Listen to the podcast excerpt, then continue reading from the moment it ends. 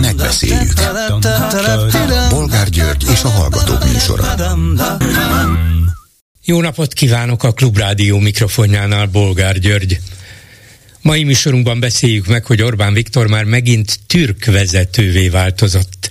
A kazak néppel közös múltunkról értekezett, és gratulált Azerbajdzsán elnökének ahhoz, hogy stabilizálta a térséget. Magyarán, hogy elfoglalta az örmények lakta hegyi Karabahot, és elkergette onnét a keresztény örményeket. Így védjük mi a keresztényeket? Mellesleg ha már keresztények védelméről van szó, ahhoz mit szólnak, hogy vitába keveredett a külügyminisztérium államtitkára Mencer Tamás egyébként országgyűlési képviselő a Duna-Ipoly Nemzeti Park igazgatójával egy kereszt ügyében. Augusztus végén ugyanis ismeretlenek felgyújtottak egy keresztet, amely a nagyszénás hegytetőn állt. Már magát a keresztet is néhány éve ismeretlenek állították fel engedély nélkül és megfelelő építési alap nélkül, ezért aztán onnét többször ki is dőlt, most pedig fel is gyújtották. Minden esetre a Nemzeti Park igazgatója nem támogatja a kereszt újbóli felállítását, mert azt mondja, hogy ez egy különlegesen védett terület, ahol ha felépítik a keresztet, elpusztítjuk a leánykökörcsint, az árvalevelű lent, a borzas vértőt, kivégezzük a nagy rókalepkét, a fűrészlábú szöcskét és a kövér daravirágot. Mencer Tamás államtitkár szerint viszont itt nyilvánvaló, hogy nem a környezetvédelméről van szó, hanem ez a modernkori keresztény üldözés egy fajtája, és ő harcolni fog ellene. Érdekes az örmények, mintha emberek volnának, és talán százezren menekültek át Örményországba. A külügyminisztérium államtitkára nem tudom, szólt-e egy szót is ebben az ügyben. Minden esetre akkor vissza a türk tanácshoz, amelynek ülésén Erdoğan török elnök emberiesség elleni bűncselekménynek nevezte az izraeli bombázásokat Gázában, nem említve a Hamas terrorakcióját. Minden esetre ő egységes fellépést kért a türk világtól. Vajon mit szól ehhez Orbán, aki ezúttal száz százalékig támogatja Izraelt? Lehet, hogy semmit, mert ő végül is csak megfigyelőként van jelen a türk tanácsban. Kin is vagyunk, benn is vagyunk. Ez az ő játéka. Következő témánk, hogy a szabadságtéri hazatérés templomában járt a budapesti palesztin nagykövet, Hegedűs Lóránt lelkésznél, aki előtte megalapította a magyar Hamászt. Félreértések elkerülése véget, a Hazafias Magyarok Szövetségét. Hát nem gyönyörű? Mit gondolnak aztán arról, hogy az oktatási hivatal több óvodában is kérdőíveken érdeklődik a szülőknél gyerekeik magyarság tudatáról. Például azt kérdezték tőlük, hogy az óvoda fontosnak tartja-e szerintük a nemzeti hagyományok megismertetését, a magyarság tudat, a hazaszeretet kialakítását az óvodások körében. Igen, a hazaszeretet kialakítását, ez a megfogalmazás különösen tetszik. A jó óvoda hazaszeretet alatt, hazaszeretetet alakít ki. Tessék mondani. Mit szólnak ezen kívül ahhoz, hogy Hernádi Zsolt a MOL elnöke, aki egyben a Corvinus Egyetem kuratóriumi elnöke is, nem azt tartotta felháborítónak, hogy kirúgtak egy tanárt az egyetemről, amiért szóvá tett egy súlyos etikai vétséget, hanem azt, hogy a tanár is elkövetett hibákat. Szerinte az egészből már csak azért lett eleve ügy, mert a tanár egy zárt Facebook csoportban leírta a történteket, amit aztán a szél valahogy befújt egy szerkesztőségbe, világos. Nem az egyetem vezetősége a felelős, hanem az, aki a felelősségüket firtatta. És végül beszéljük meg, hogy az LMP Karácsony Gergely helyett Vitézi Dávid főpolgármester jelöltségében gondolkodik. Vitézi egyelőre nem. De el tudják képzelni, hogy az Orbán kormány volt államtitkára legyen az ellenzék főpolgármester jelöltje? Telefonszámaink még egyszer 387 84 52 és 387 84 53. Háló, jó napot kívánok! Jó napot kívánok, üdvözlöm Bolgár úr, Tic Tamás vagyok.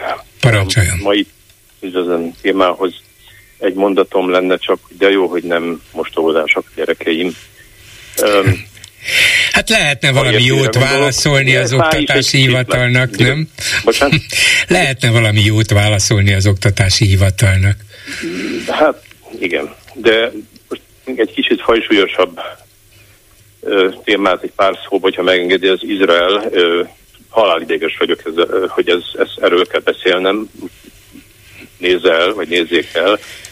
Nem tudom, hogy olvasta-e azt a ö, ö, cikket, amiben az volt, hogy nem tudom, 100 vagy 200 újságírót összegyűjtöttek ö, ö, azt hiszem Tel Avivban, és bemutattak nekik egy 3 órás ö, ilyen titkos videót, amiben ö, behatolt a Hamas, hogy ölték meg a, a, Igen.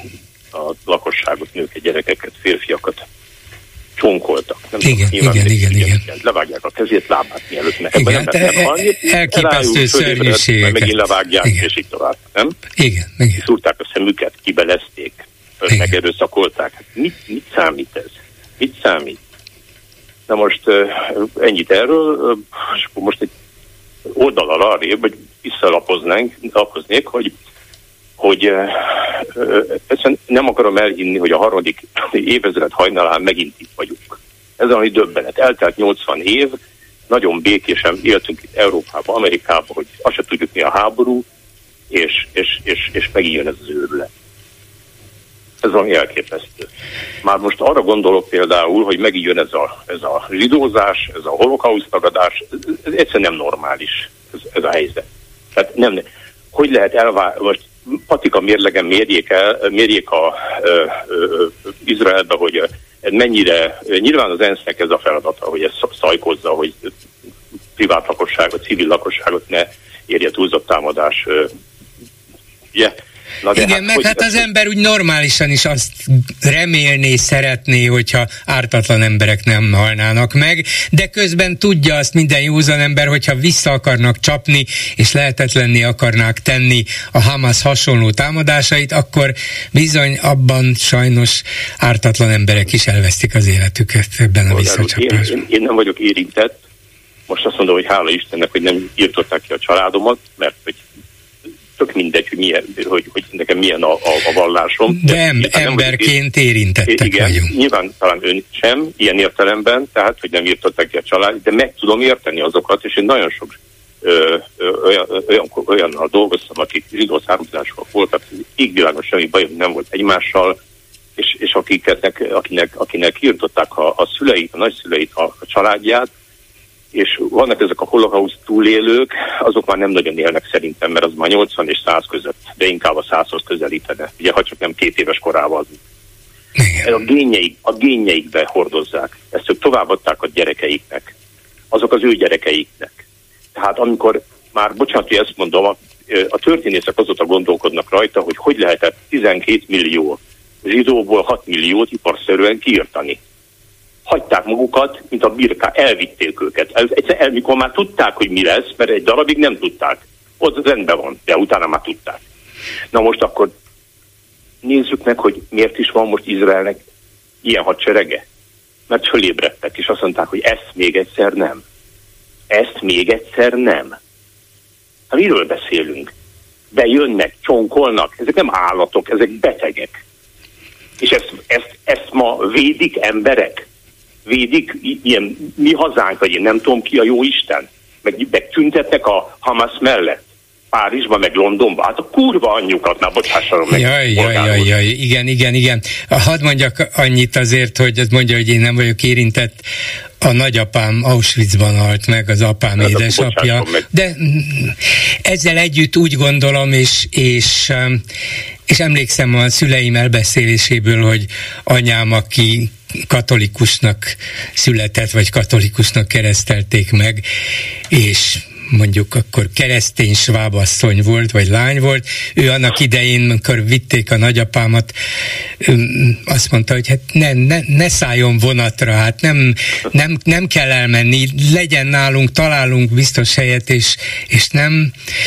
E, valahogy a, a, azt mesélték a nagyapámban, volt egyfajta olyan naív hit, hogy hát nem fog történni olyan komoly dolog, végül is valahova elvisznek minket, én tudok dolgozni, és, és nem, nem kell engem félteni.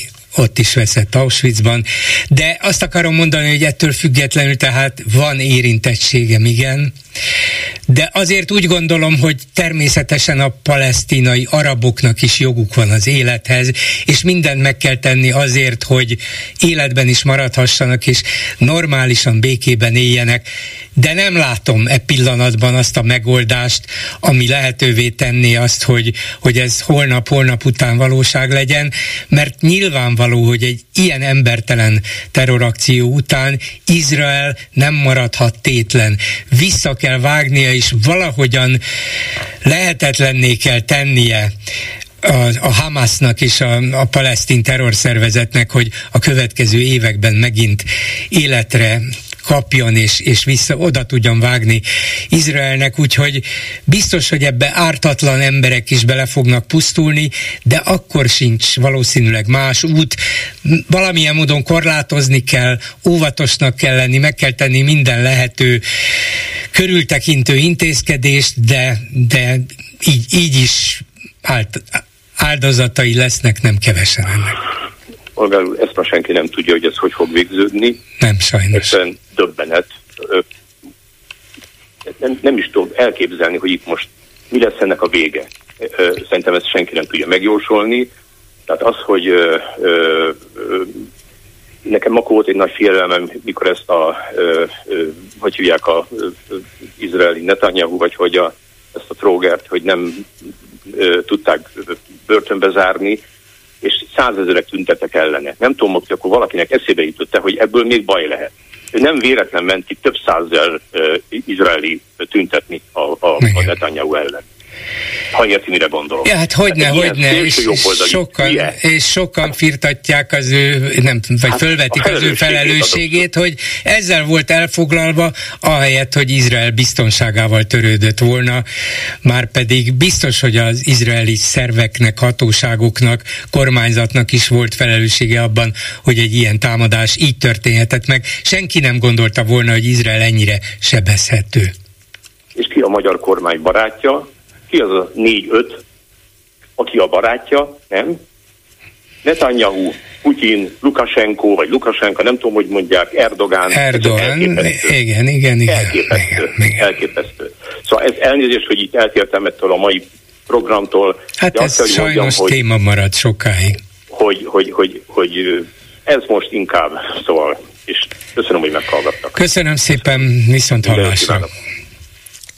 A vonalban pedig Nagy Attila Tibor, politikai elemző. Jó napot kívánok! Jó napot kívánok, Bolgár úr!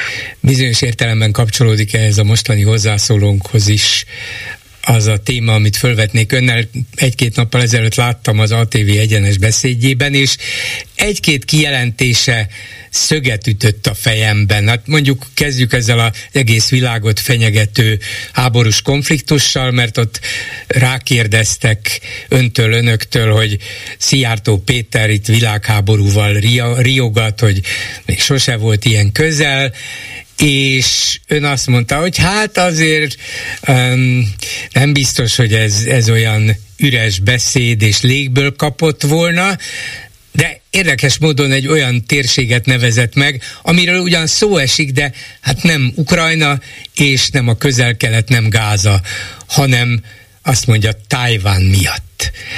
Most persze még az is lehet, hogy ez bekövetkezik, sose látjuk előre, hogy mi lesz, de hát azért itt sokkal veszélyesebbnek látszó konfliktusok vannak a közvetlen közelünkben, és egy kicsit távolabb, mondjuk 2000 kilométerre a földközi tenger mellett. Miért pont Tajvánból lenne világháború?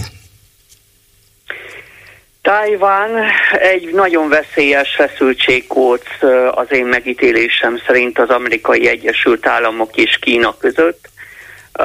a világ félvezető gyártásának jelentős része ott van, és tekintettel a mesterséges intelligencia egyre felértékelő szerepére, tekintettel arra, hogy az autógyártás egy jelentős része is a csipeken keresztül történik most már, ugye az elektromos autók miatt. Tehát Tajvan jelentősége nem kizárólag földrajzi, hanem bizony nagyon erős gazdaságpolitikai. Az sem titok, hogy Xi Jinping kínai államfő már kijelentette évekkel ezelőtt, hogy Tájvánnak mindenképpen vissza kell térni a kínai népköztársaság keretébe, és nem fognak a végtelenségig várni. Arra is emlékeztetnék, hogy pár évvel ezelőtt, nem, most, nem is olyan régen, Kína meglehetősen fenyegető gyakorlatokat, illetve repülőgép rajokat küldött Tajvan légkerébe, ezt egyébként időről időre megerősíti. Én úgy látom, hogy nem kizárólag Tajvan kapcsán egyébként, de Kína körül egyre sűrűsödik a levegő, és most kezd előállni egy olyan helyzet, amitől például a Harry Kissinger volt külügyminiszter, mindig is óvott, és óv ma is, tehát hogy a orosz-ukrán háború következtében Kína és Oroszország egy oldalon kvázi egy szövetségi eh, rendszerben találja magát, hogy ezt mindenképpen meg kellett volna akadályozni, vagy meg kellene. Eh, ráadásul komoly gazdasági érdekellentétek is vannak az USA és Kína között, és az sem került el a figyelmemet, hogy a fegyverkezési verseny már az orosz-ukrán háború el, előtt is nagy mértékben beindult. Kína nagy ütemben fejleszti a hadseregét. Létrejött egy Kína ellenes szövetség az AUKUS révén, amikor az USA, Egyesült Királyság és Ausztrália kötött szövetségen. India-Kína között olyan határincidens volt pár évvel ezelőtt, amelyben indiai határőrök haltak meg. Tehát bolgár úr összegezve, én nem azt állítom, és ezt az egyenes beszédben is próbáltam érzékeltetni, hogy a harmadik világháború feltétlenül be fog következni a következő néhány évben, hiszen a világgazdaságnak nagyon nem volna ez javára, de azt azért érzékelem, hogy ahhoz képest, hogy 1989-ben csupa optimizmussal voltunk, hogy a szocialista országok felszabadultak az elnyomás elő, elő, alól és csatlakoztak a liberális demokráciához, hát ehhez képest a világpolitikai légkör meglehetősen sokat romlott, különösen szerintem az elmúlt tíz évben, és hát emiatt sajnos a, a harmadik világháború lehetősége nem teljesen légből, légből kapott. Az igaz, hogy a magyar kormány ezt a lehetőséget a maga javára igyekszik kihasználni. Úgy is mondhatnám, hogy ropogósra kíván, kívánja a magyar kormány sütni belpolitikai célból. Na de hát azt éppen a ez a, amit igen. a harmadik világháború jelent. Abban igaza van, hogy persze, a, hát főleg a, a rendszerváltás idején történtekhez és az akkori várakozásokhoz képest ez a világ sokkal szörnyűbb. Úgy általában is a világ, a demokrácia állapota látjuk a különböző nemzeti felméréseket, Magyarországi aztán pedig különösen um, rossz példa, de éppen ennek az egyik megnyilvánulása az, hogy Orbánék és benne Szijjártó minden alkalmat megragadnak arra, hogy a világháborúval riogassanak, ijesztgessenek, hogy itt borzasztó állapotok vannak. Hát ebben a rettenetes helyzetben egyetlen egy erő van, értitek, magyarok, azok mi vagyunk. Mi akarunk csak békét, mi vagyunk azok, akik folyton küzdünk a józanész, az emberek mellett, az élet mellett, a halállal szemben, legyen szó Ukrajnáról, legyen szó, a, hát a közel-keletről nem egészen így beszélnek, de, de arról igyekeznek kevesebbet, de minden tekintetben, és azt mondják, hogy mi vagyunk a közvetítő kelet és nyugat között, most Orbán a türk tanácson is előadott valami hasonlót, úgyhogy miért, miért gondolja, hogy hát persze vannak itt nyilvánvalóan jelek arra, hogy a feszültség nő a nagyhatalmak között is, de pont Szijjártó fogja megtalálni azt, hogy hát vigyázat, itt világháború jön, még az amerikaiak, kínaiak, oroszok és a többiek ezt nem ennyire kínzónak és közvetlen közelinek látják.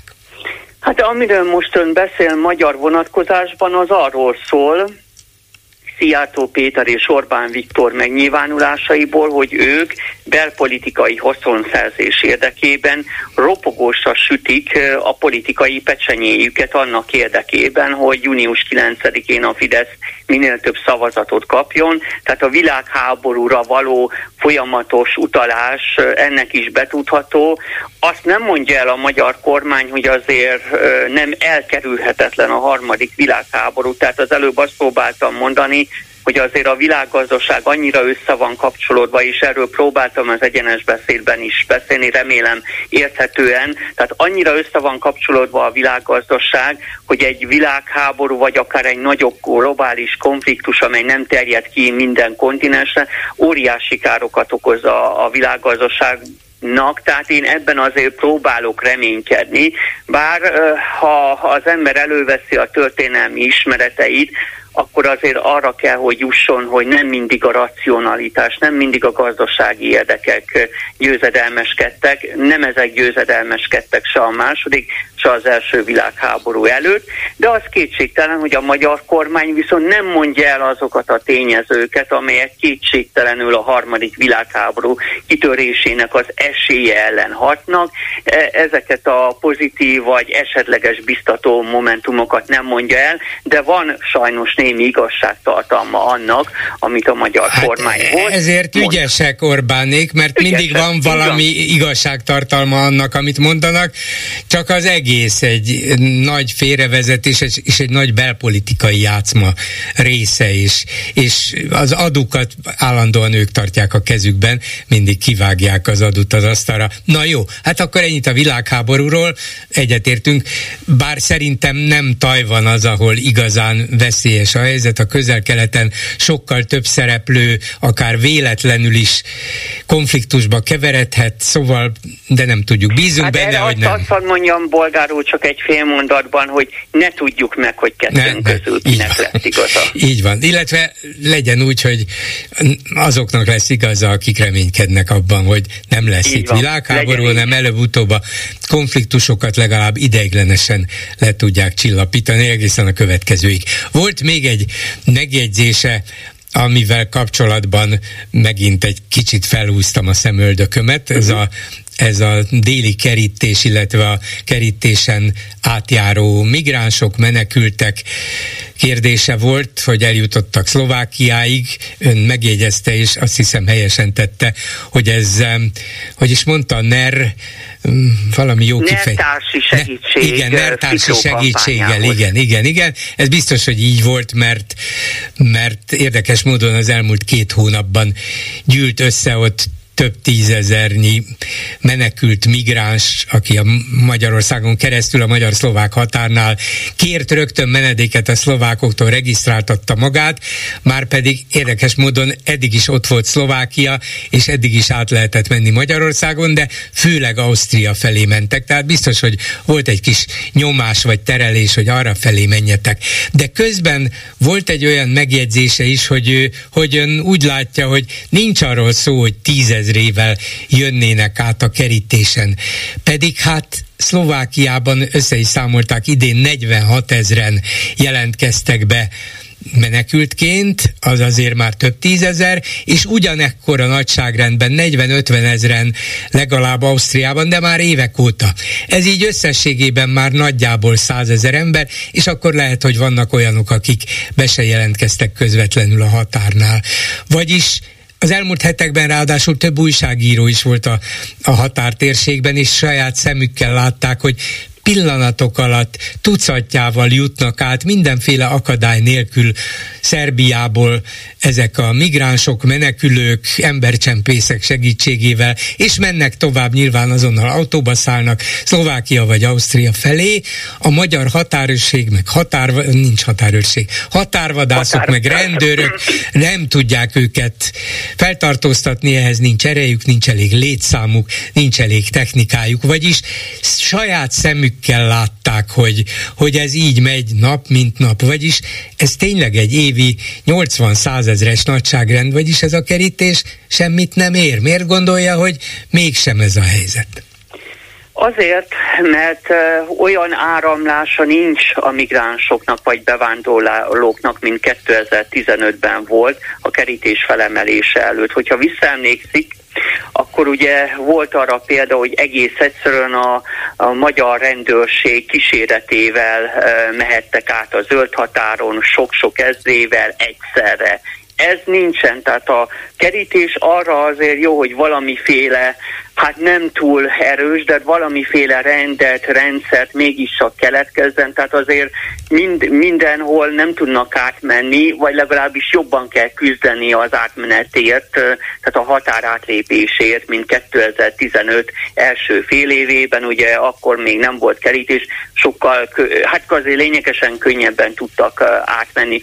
De ettől még igaz, és ez az én figyelmemet sem került el, hogy a magyar határkerítés azért nem zár tökéletesen, sőt lehet, hogy nem zár kellőképpen jól. Hát Kár Néhammer osztrák kancellár nyilvánosan sajtótájékoztatón panaszkodott erről Orbán Viktornak, hogy hát azért meg kell nézni, hogy hát a magyar-szerb határól is valahogy oda tudnak érni a migránsok, ugyanakkor ugye hát, hogy Szlovákiában is jó néhányan mentek, ugye nem csak Magyarország felől lehet elvileg Szlovákiába eljutni, hanem északról, illetve Ukrajna felől is akár, de valóban a szlovák választási kampányban véletlenül pont akkor megnövekedett számban tudtak migránsok Szlovákiába eljutni, és véletlenül ugye Ficó ezt a témát, a migrációt fel tudta használni a választási kampányban, és halka jegyzem meg, szintén nem szintén véletlenül ugye a felvidék déli részén az alapvetően magyar lakta területeken a Smer is kapott értékelhető számú szavazatot. Tehát amikor én arról beszélek, hogy Orbán segítette Ficó választási kampányt, erre is gondolok, na meg arra is, hogy a közmédia elég nagy teret szentelt Robert Ficó népszerűsítésére. Az, Tehát vannak lehet... gondok a határőrizettel bolgáról, de azért nem tudnak annyira akadálytalanul átjutni, mint 2015 első fél évében a menekült krízis heteiben. Hát Én mert akkor maga gondoltam. a menekült krízis is nagyobb volt, akkor ez a szíriai válság oly, olyan tömegeket dobott Törökországból, illetve a törökök segítségével nyilván Görögországba és, és erre a balkáni, nyugat-balkáni útvonalra, hogy, hogy az, az tényleg elképesztő volt, és azt nem lehetett megakadályozni. Most azért kisebb ez a hullám, de éppen ezért feltűnő, hogy is százezer ember át tud menni Magyarországon, miközben ott van a kerítés, sok száz milliárd forintból, meg állítólag több ezer rendőr és határvadász őrizetével. Nagyon lukasnak látszik. Hát azért azt azért lehet tudni, hogy nem vagyok benne biztos, hogy százezer át tudott jutni erről, legalábbis nekem hivatalos adatom hát nincs. mondom, ez a szlovák adat, hogy 46 ezer, és a néhány illetve az osztrákoknak a 40-50 ezer. Nem csak Magyarországon keresztül lehet menni, én csak annyit mondok, hogy hogy nem zár, megfe- nem zár tökéletesen a határzár. Egyébként pont erre bizonyíték éppen a titkosszolgálati jelentés, amit Kocsis Máté frakcióvezető kérésére hozt, illetve a bizottság kérésére hoztak nyilvánosságra. Hát az is azt erősíti meg, hogy bizony gondok vannak a magyar határőrizeti szerveknek a tevékenységével. Lehet, hogy a kerítés kéne fallá változtatni, nem tudom, ezek már nyilván inkább szakmai kérdések. Tökéletes zár valószínűleg így se úgy se lesz, de van mit tökéletesíteni, problémák vannak. Az ugye egy újabb érdekes feltevés lehet, hogy mi lenne akkor, hogyha mondjuk jóval nagyobb tehát mondjuk egy 2015-ös szintre menne föl a beáramlók száma, meglátjuk.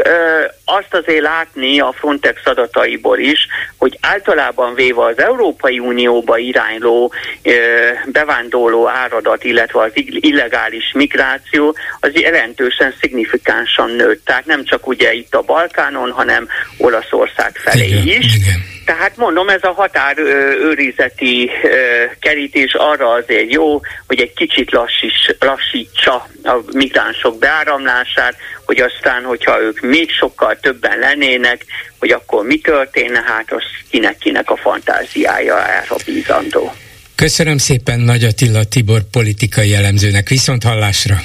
Viszont hallásra, bolgár úr, én is köszönöm szépen! Háló, jó napot kívánok! Halló, halló! Halló! Igen, parancsoljon, én hallom önt. Szép jó napot kívánok, én Ferenc vagyok, Szeged mellől beszélek. Igen. Hallható vagyok? Igen, hallom. Kérem szépen, a következő a téma, amiből hozzá akarok szólni, ez tegnapi téma, de tegnap nem volt időm telefonálni, ez a csádi téma. Igen.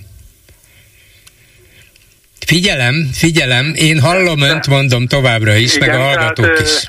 Ö, ö, itt ö, teljesen elképettem, amit én tegnap hallottam. Egyszerűen azt mondtam, ez elmebetegség, amit itt kitaláltak. Megmondom miért. Egy rövid történetet fogok mondani, az egyben megvilágosítja, hogy mik itt az aggályok. Tudva levő, hogy Csád egy sivatagi ország ahol a gyakorlatilag a sivatagi harcmodort kell követni, és azt tanulni kell. A 2000-es évek elején én megismertem egy családi rendezvényen egy kedves jó embert, aki tíz évet húzott le az idegen, idegen légiónál Franciaországban. Ő komplex kiképzést kapott, mégpedig sivatagi kiképzést, ugyanis az idegen légiónál akkor is úgy működött már, hogy szakosodtak. Tehát kiképzés volt bozót harcra, tehát szavannára, kiképzés volt Afrikában ősedrei, és kiképzés volt sivatagira. Őt a sivatagiba sorolták be alapos vizsgálat után, és gyakorlatilag át is vészelte a több hónapos kemény sivatagi kiképzést, amely Djibouti-ban történt a kiképzés, mégpedig a Danakil mélyföldön, ami tudva levőleg a világ talán egyik legforróbb területe, hőmérséklet szempontjából 48-50 fok, az gyakori. Nem gyakori, szinte rendszeres. Uh-huh. Ott, a, ott a, kapták meg a kiképzést a sivatagi harcra az idegen légióba. Majd az elvégzése után csátba került, és két esetben is bevetették az akkor dúló Kadafival szembeni csád libiai háborúban.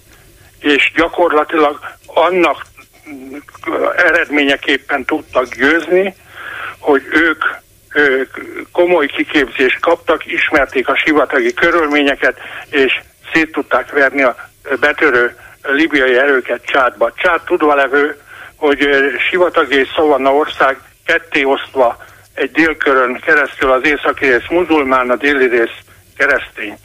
Gyakorlatilag én nem tudom elképzelni, hogy a most kimenő 200 főre hangoztatott állomány katonai állomány egyáltalán milyen kiképzést kap? Hogy fog ott végig harcolni, vagy ha, ha tűzhazba keveredik, vagy bármibe, ott a sivatagon, mikor erre egy speciális kiképzés kell, egy nagyon kemény speciális kiképzés. Hát kit találta ki ezt az elmebetegséget? Hát, én, én is ezt kérdezem. Ezt kérdezem embereket. magamtól is, meg másoktól is.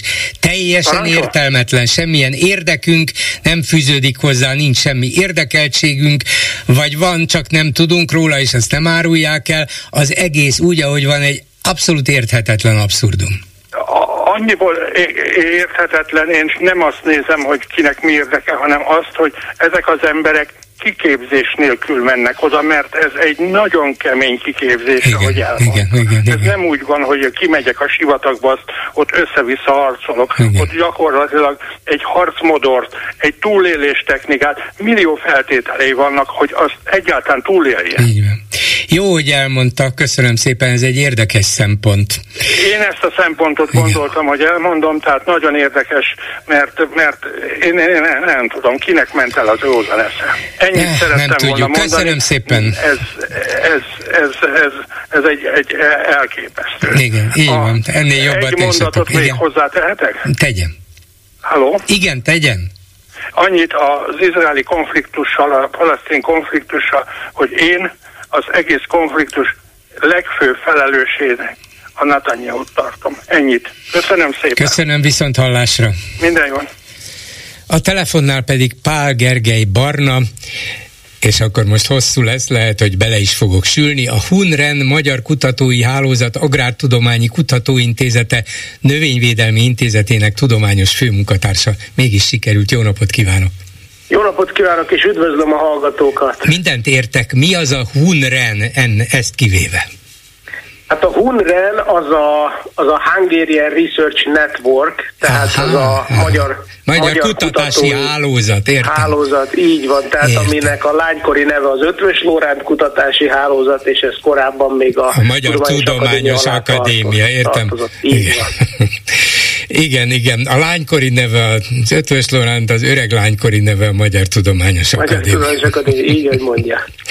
Na de amiért beszélünk, az szerencsére egy kicsit könnyebb téma, akár a csádi esetleges hadviselésnél, akár világháborús feszültségeknél, vagy a gázai konfliktusnál, szóval szerencsére ennél sokkal békésebb dologról van szó, de, de megütötte a szememet tegnap, hogy a következőt olvastam, ennek a Magyar Kutatási Hálózatnak a honlapján, hogy tudnilik, a Hunren Agrártudományi Kutatóközpont Növényvédelmi Intézetének kutatói három a tudomány számára új állatfajt neveztek el Petőfi Sándorról a költő születésének 200. évfordulója alkalmából, és erről három publikáció is megjelent, az Acta Zoológica Academiae Scientiarium Hungari című szaklapban. No de ez a három új állatfaj, ezek közül az egyik egy Szingapurban felfedezett alt atkafaj, a második egy, egy poloskafaj, és a harmadik egy már nem is élő szárazföldi csigafaj. Ez biztos, Igen. hogy zoológiai szempontból nagyon érdekes, de azt mondja meg nekem, és, és próbálja meg elmagyarázni, lehet, hogy én vagyok a teljesen tájékozatlan és hülye, miért Petőfiről nevezték el őket? Miért Petőfiről nevezték el őket?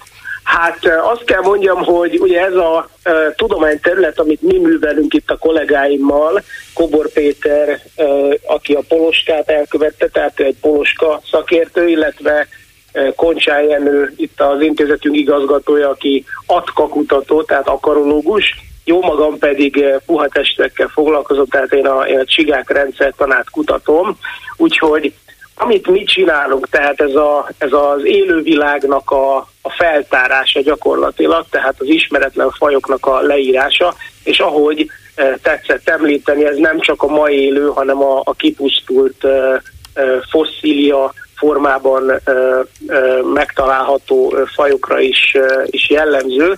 Tehát nekünk van mondjuk egy, mondjuk úgy egy olyan szupererőnk, hogy mi adhatjuk a neveket, hogyha felfedezünk egy tudományra új fajt, akár Magyarországon, akár a trópusokon bárhol, vagy akár egy, egy több millió éves fosszília képében, akkor ennek mi adhatjuk a nevet, és úgy gondoltunk, ez a Koncsán Jenőnek volt a, az ötlete, hogy Petőfi év van, akkor Petőfi Sándorról nevezzünk el új fajokat, itt, a, itt az intézet kutatói tegyék meg ezt a, ezt a nagyon, szerintem nagyon szép lépést, és én mindenképpen ebben benne voltam, nagyon tetszett az ötlet. Ráadásul ugye ez a, ez a csiga faj, amit, amit én végül is elneveztem Petőfi Sándorról, ez, ez hát egy kicsit nyakateket módon, de azt kell mondjam, hogy köthető is hozzá, hiszen ez egy kb. 71 millió évvel ezelőtt Erdélyben élt fosszilis csigafaj, tehát ez a, a hátszegi medencéből került elő, ahol, ahonnan Lopcsa Ferenc tárta fel még annak idején több mint száz évvel ezelőtt az első dinoszaurusz szokat és, és repülő ősülőket, és ugyanabból, ugyanazokból a rétegekből került elő ez a, ez a csodálatos kis fosszilis csigafaj, és ahogy azt sikerült kiderítenünk, Petőfi járt is hátszegen, és írt is egy nagyon szép verset, és, és ebben a versben ő utal is arra, vagyis, hogy mondjam, a hunyadiakra utal, meg a, meg a Vajda hunyad vára, de hogyha nagyon akarjuk, akkor úgy is lehet értelmezni, mint hogyha erről a lelőhelyről írna a költő. Én, én abszolút el tudom fogadni azt, hogy kutatóként a képzelete elkezd szárnyalni, és, és lírai hangulat fogja el, és főleg nézzék meg, ajánlom a hallgatóknak is ennek a Hunren Magyar Kutatási Hálózatnak a honlapját, ott nagyon szép képeket is lehet látni, például erről a csiga leletről.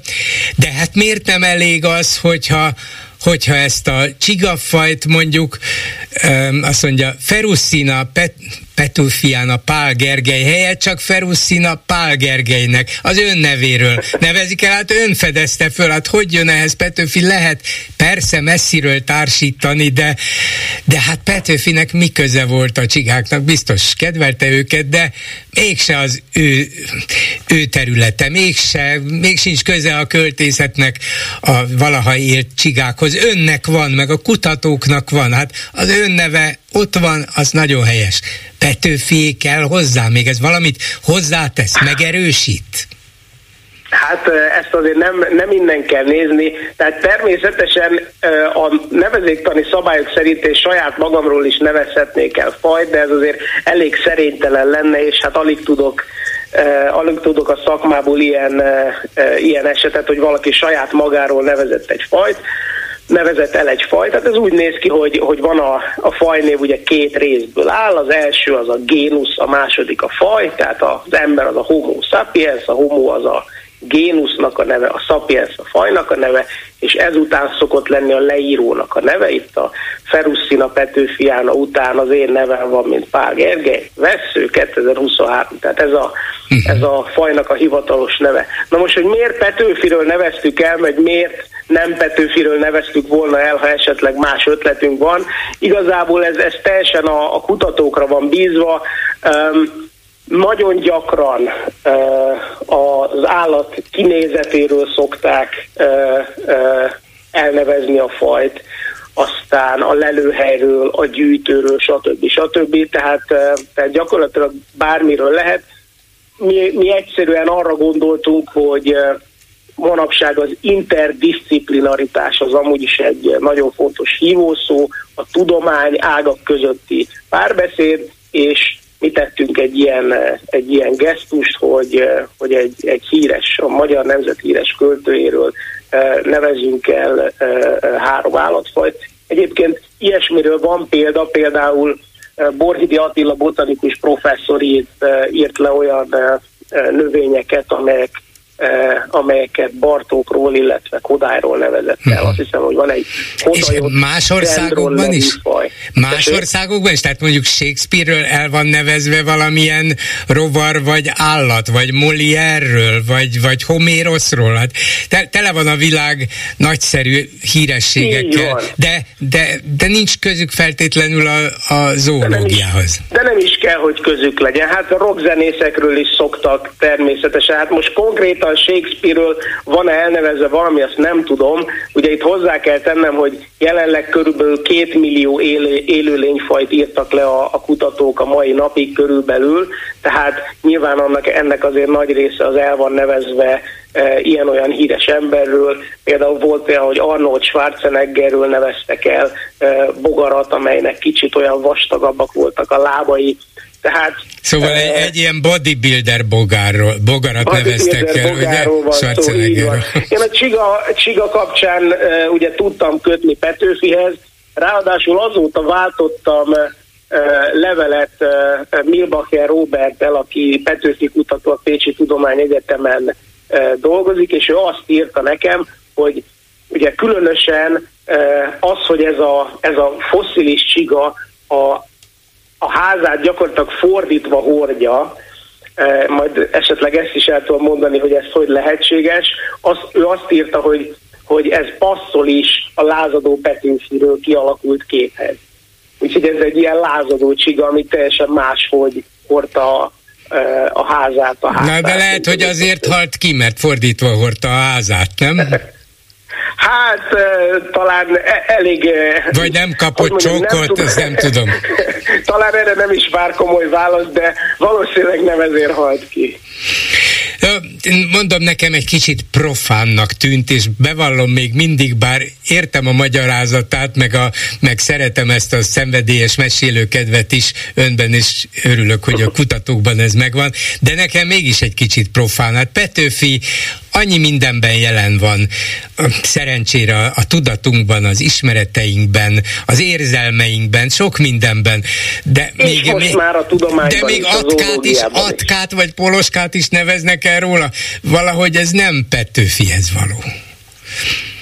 Hát nézze, igazából, ha tetszik, hanem ezzel már nem nagyon lehet csinálni. Adolf Hitlerről is neveztek el bogarat, azt se lehet elnevezni. Tehát, hogyha már ilyet szabad mondanom. Mi ebben semmiféle meghökkentőt nem találunk, tehát ahogy említette Bolgár úr, mindenféle zeneszerzőkről, színészekről, zenészekről, bárkiről manapság gyakran szoktak elnevezni új fajokat. Nyilván ezzel be is kerül, tehát nyilván egy, egy, egy ilyen tudományos eredmény például így is bekerülhet a, a közbeszédbe, amely, amely szerintem egyáltalán nem baj. Tehát tudják csak meg az emberek, hogy nem ismerünk még minden fajt, tovább kell kutatni a körülöttünk lévő élővilágot, és hogyha ezt az emberek ennek kapcsán látják, vagy ennek kapcsán hallanak róla, hogy például bolgár úrnak nem tetszik az, hogy egy atkát neveztek el Petőfiről. Én azt mondom, nagyon helyes, nagyon helyes, beszéljünk erről, és ez jusson el az emberek, emberekhez ez a, ez a fontos. Uh-huh. Látja, jó, jól mondja, most ezzel meggyőzött, hogy tényleg beszélünk róla, mert különben ki tudta volna meg, hogy ön fölfedezett egy rég kihalt csigafajt,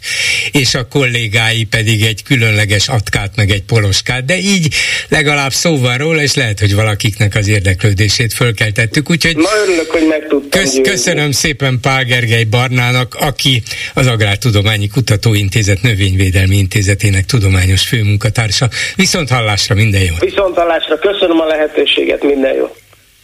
Hát akkor röviden ma délutáni témáinkról Orbán Viktor jelek szerint megint türk vezetővé változott, a kazak néppel közös múltunkról értekezett, egyébként meg gratulált Azerbajdzsán elnökének, hogy stabilizálta a térséget, vagyis elfoglalta az örmények lakta hegyi Karabahot, ahonnét el kellett menekülniük a keresztény örményeknek. Aztán a türk tanácsülésén Erdoğan török elnök Orbán Viktor közeli politikai jóbarátja, hogy ő szokta szólítani testvére, azt mondta, hogy Izrael emberiesség elleni bűncselekményeket követel Gázában, a Hamas terrorakciójáról nem beszélt. Vajon itt a türk népek vezetői körében Orbán milyen álláspontot foglalt el? Lehet, hogy semmiet, most él azzal, hogy ő csak megfigyelő? Aztán a szabadságtéri hazatérés templomában járt a budapesti palesztin nagykövet Hegedűs Lóránt lelkésznél, aki megalapította a magyar Hamaszt, félreértések elkerülése véget. Ez a Hamas nem az a Hamas, de érdekes a rövidítésben az azonosság Hazafias Magyarok Szövetsége. Az oktatási hivatal több óvodában is kérdőíveken érdeklődik a szülőknél, hogy mi a véleményük arról, hogyan tanítják a magyarság tudatot gyerekeiknek az óvodában. Például olyan kérdéseket tesznek föl, hogy szerintük az óvoda fontosnak tartja-e a nemzeti hagyományok megismertetését, a magyarság tudat a hazaszeretet kialakítását. És hát mi van még?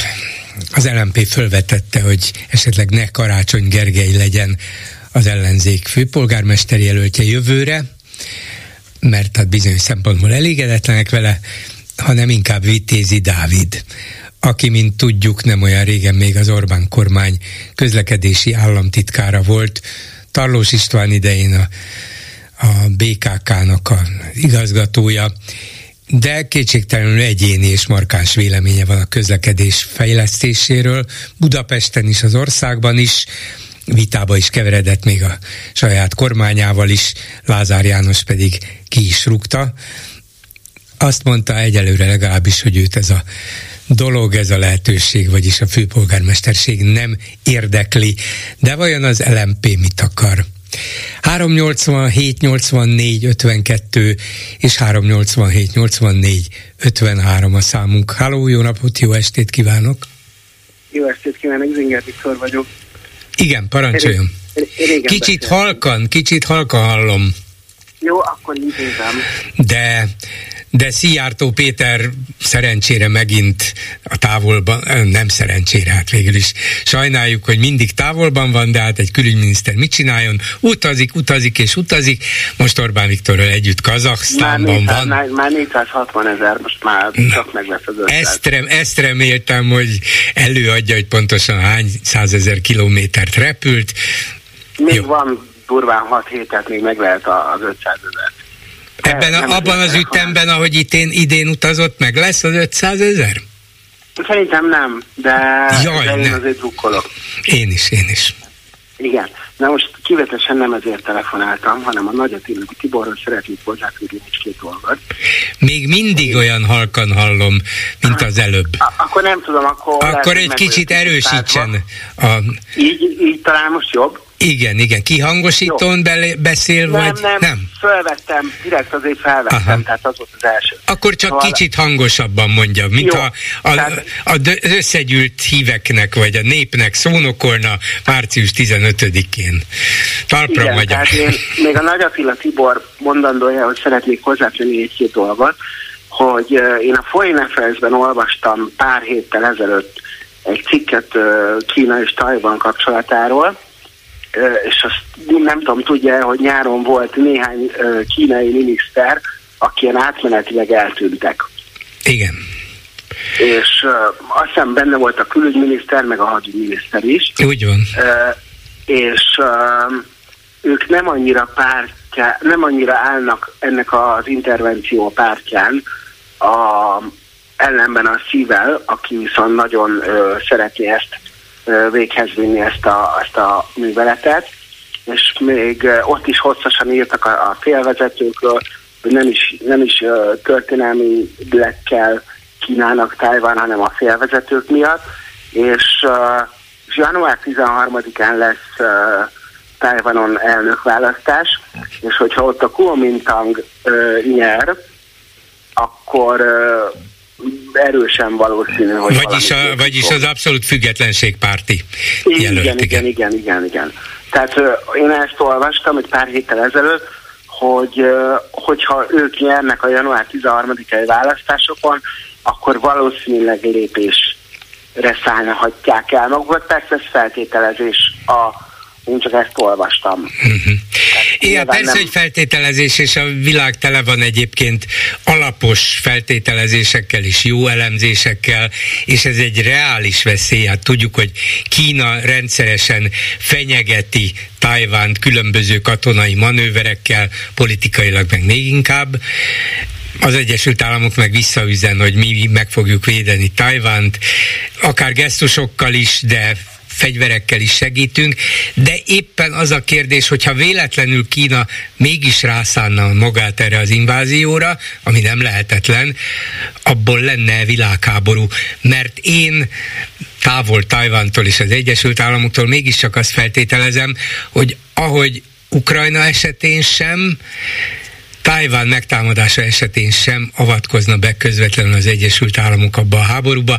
Mindent megtenne, hogy Tájván kitartson, de aztán, ha, ha Kína erősebb és elfoglalja, akkor ezért nem indulnak el az amerikai atomrakéták, hogy szétbombázzák Kínát. E- ebben én is biztos vagyok.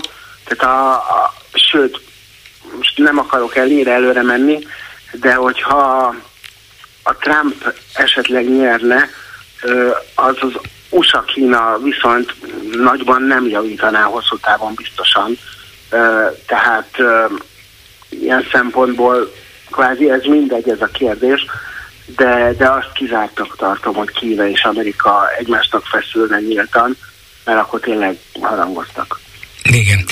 Na most persze nem látunk bele se Xi Jinping fejébe, sem a közvetlen politikai latolgatásba, hogy Kína gazdaságilag láthatóan egyre jobban lelassul, egyre több gazdasági problémája van, hogy ezekre a gazdasági problémákra, ezeknek a kiavítására vagy megoldására koncentrál-e, vagy éppen ezekről elterelendő a figyelmet, azt mondaná, de jól jön egy kis tajvani invázió, ezzel egy és félmilliárd kínainak milyen nagy örömet és boldogságot és nemzeti büszkeséget okozunk, ezzel el lesznek néhány évig, Xi úgy vonul be a világtörténelembe, mint a nagy kínai egyesítő, tehát vannak ennek politikai hasznai, de azért azt is nyilvánvalóan Kína de tudja, hogy óri, nagyon óriás, nagyon sok, minden értelemben, nagyon pénzben, sok, és, és ott, ott van még ugye a kínai ingatlan uh, lufi is, ami, hát nem tudom, hogy ki fog-e durrani, de állítólag december 4-én, 4 kapott haladékot az az Everglade, vagy micsoda, az a cég. Igen, a, igen, igen, ez a nagy kínai igen, ingatlan fejlesztő. Igen, hogy december 4-ig rendezze a sorait. Evergrande, uh, azt hiszem Evergrande-nek Ever, hívják, az, az Everglade, az, az, igen, az, igen, az, az Florida. A, igen, az Everglade, az Floridában a nemzeti park. Hogy december 4 rendezze a sorait.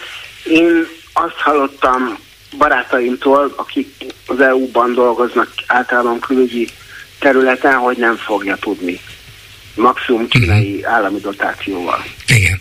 És hát nyilván Kína nem engedheti meg magának, vagy a kínai állam, hogy egy ekkora birodalom összeomoljon, mert az, az, az 10 és 10 milliók anyagi csődjét jelentené, mármint embernek vagy családnak, úgyhogy e, e, biztos valamilyen módon kimentik, de ha erre kell költeni a pénzt, ezzel kell foglalkozni, akkor nem biztos, hogy belemernének vágni egy ilyen háborúba Tajvan ellen, meg még talán valami józan ész azért szorult a politikai vezetőkbe, bár a mai világban egyre kevesebb, hát, de hát... Ezt akartam mondani, most azért nem biztos, lásd az összes konfliktus, hát igen. mindenkinek elment otthonra mindenki.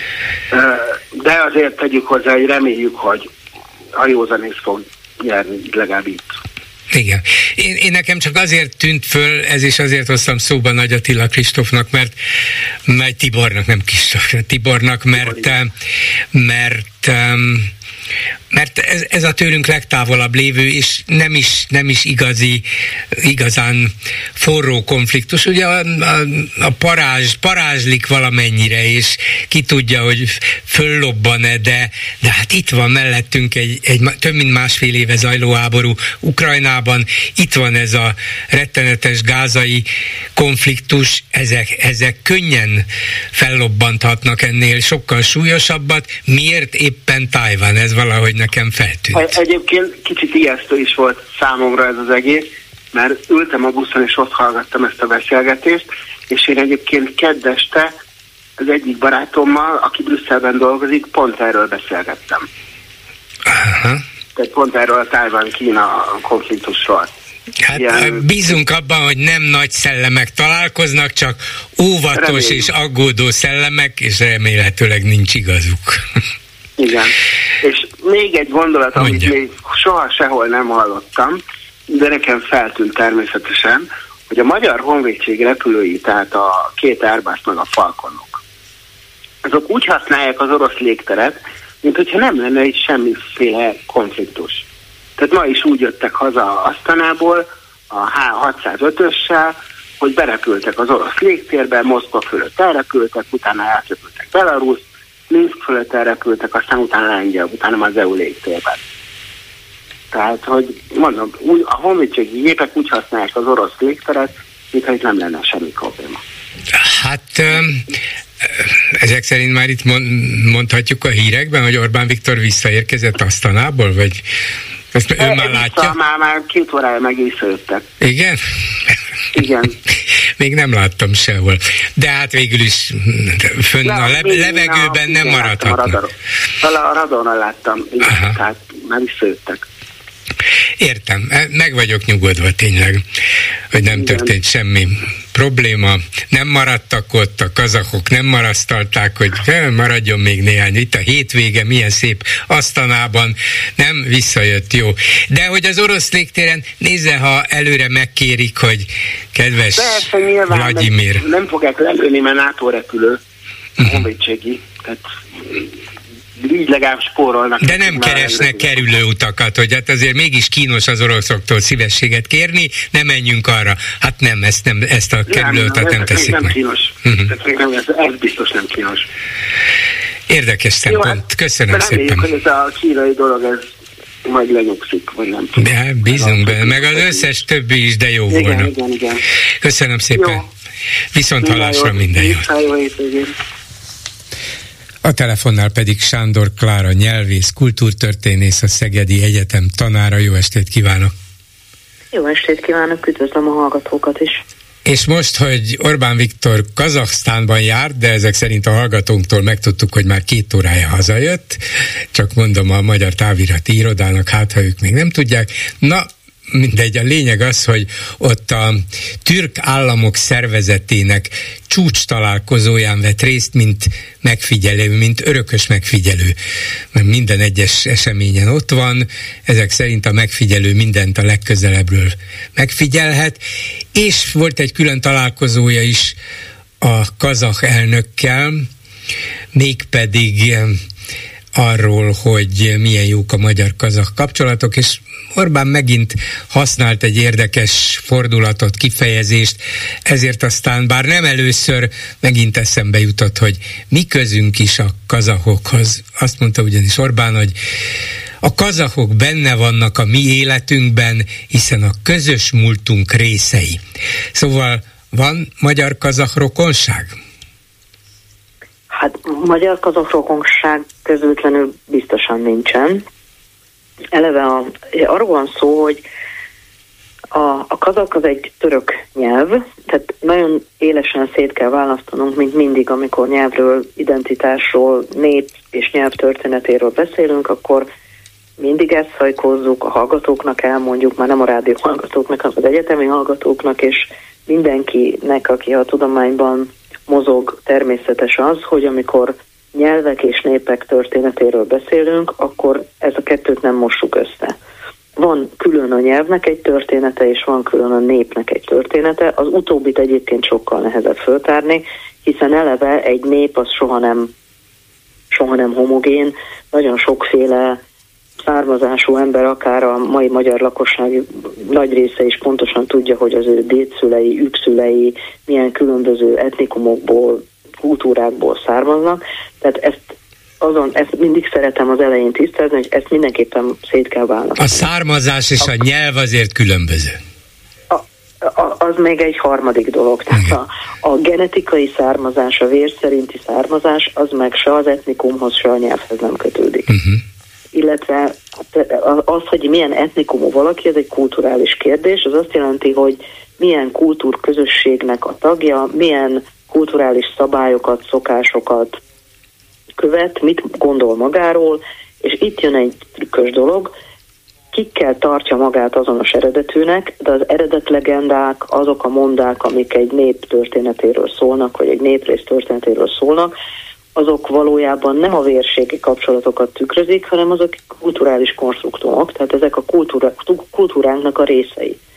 Mellette van a nyelvtörténet, és még egy harmadik dolog az, hogy valójában genetikailag honnan származunk, de ez, hogy honnan származunk genetikailag, többes szám első szemében nem is nagyon lehet így mondani, hiszen egy-egy embernek a származási vonala mutatható ki, és hát vannak nagyon fontos új eredmények az archeogenetikában, amelyek megmutatják esetleg azt, hogy mondjuk egy, egy urál közeli temetőben találnak egy olyan sírt, vagy egy urál közelében találnak egy olyan sírt, akinek a, az ott, ott eltemetett embernek a testvére mondjuk, édes testvére, ez genetikailag tudják igazolni, vagy nagyon közeli rokona már mondjuk a Kárpát-medencében temetkezett, de hogy ők hogy hívták magukat, és milyen nyelveken, nem is nyelven, nyelveken beszéltek, az egy ettől teljesen szétválasztható és szétválasztandó dolog. Na, Ez akkor, akkor mi, igen, akkor mi a kazahokkal hol, hogyan, mikor, milyen körülmények közül,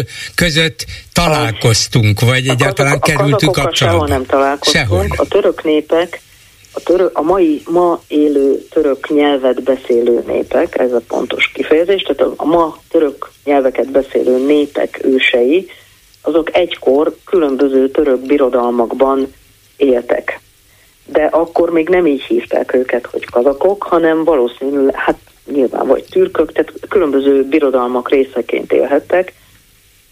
Mondjuk a türk birodalom részeként, a politikai szerv, ha politikai szervezetről van szó, akkor mondhatjuk az első vagy a második türk kaganátust. A török nyelveket eleve több nagy csoportba soroljuk bele, és akkor mondjuk a kazakok ott vannak az elhíresült kipcsak nyelvákban, ahova egyébként nagyon sok török nyelv tartozik, de ezek a, ezek a felosztások is csak hozzávetőlegesek, és a nyelvészeknek, nyelvészeknek mondanak arról többet, hogy a jelenleg beszélt török nyelvek közül melyek vannak közelebbi rokonságban egymással, melyek távolabbi rokonságban.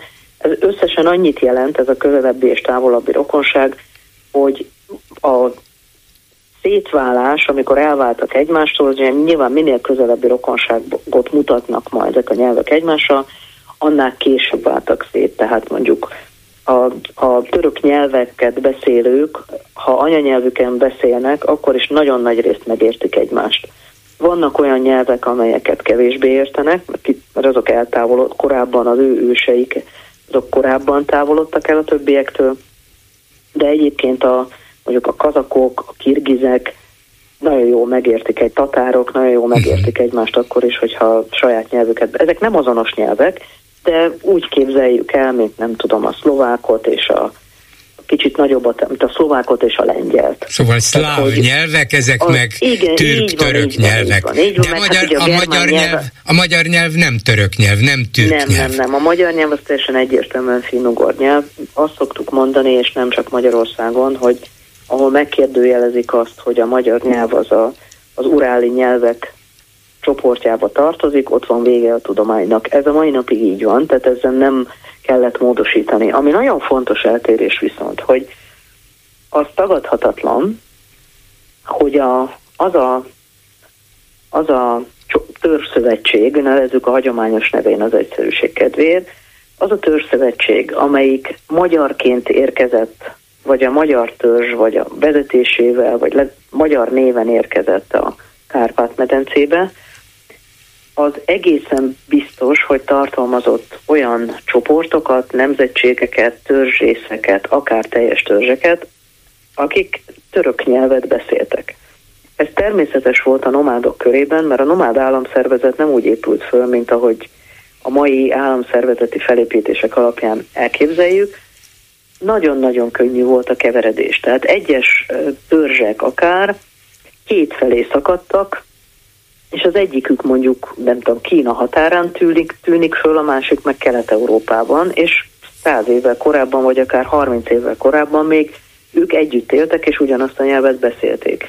Tehát a, a steppén, a nomád népek körében óriási a mozgás, nagyon könnyen csapódnak, csatlakoznak különböző törzszövetségekhez, különböző alakulatok, különböző nomád politikai alakulatokhoz, és majdnem biztos, gyakorlatilag biztosak lehetünk benne, hogy a honfoglaló magyarok között, most a törzszövetséget mondom, és nem a magyarul beszélőket, mert az ugye más lenne, hanem a magyar elnevezéssel honfoglaló törzsek között minden bizonyal volt olyan, amelyik tör, egy, egyről tudunk a kabarokról, őről tudjuk, hogy ők közvetlenül a honfoglalás előtt csatlakoztak a magyarsághoz, de rajtuk kívül is minden bizonyal voltak olyan, olyan néprészek, olyan magyarnak nevezett, akkor már magyarnak nevezett néprészek, akik vagy korábban, vagy még akár a honfoglalás idején is törökül is beszéltek. Uh-huh. Ez és valamilyen akkor... török nyelvet is beszéltek. Ez nem akkor... azt jelenti, hogy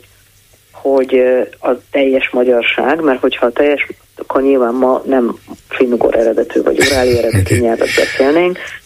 Hanem Tehát csak voltak ez, köztük ez egy, ilyenek, igen. igen. igen. Igen, figyelek. Szóval, de akkor kik azok a kipcsákok, akikről Orbán Viktor néhány évvel ezelőtt beszélt, szintén a kazahok ürügyén, hogy itt Magyarországon vannak kipcsákok is, akik tiszteletbeli vezetőiknek tartják Nazarbayev akkori kazak elnököt. Most már lehet, hogy Tokájevet tartják. Azt én nem tudom, hogy kik azok a mai kipcsakok Magyarországon, akik Nazarbayevet tiszteletbeli elnöküknek tartják. Azt tudom, hogy a Kipcsak, ahogy mondtam, az egy nyelvcsoportnak az elnevezése. Tehát oda különböző nyelvek tartoznak. Ez olyan, mint az indo-európai nyelveken belül mondjuk az észak-germán, vagy a germán.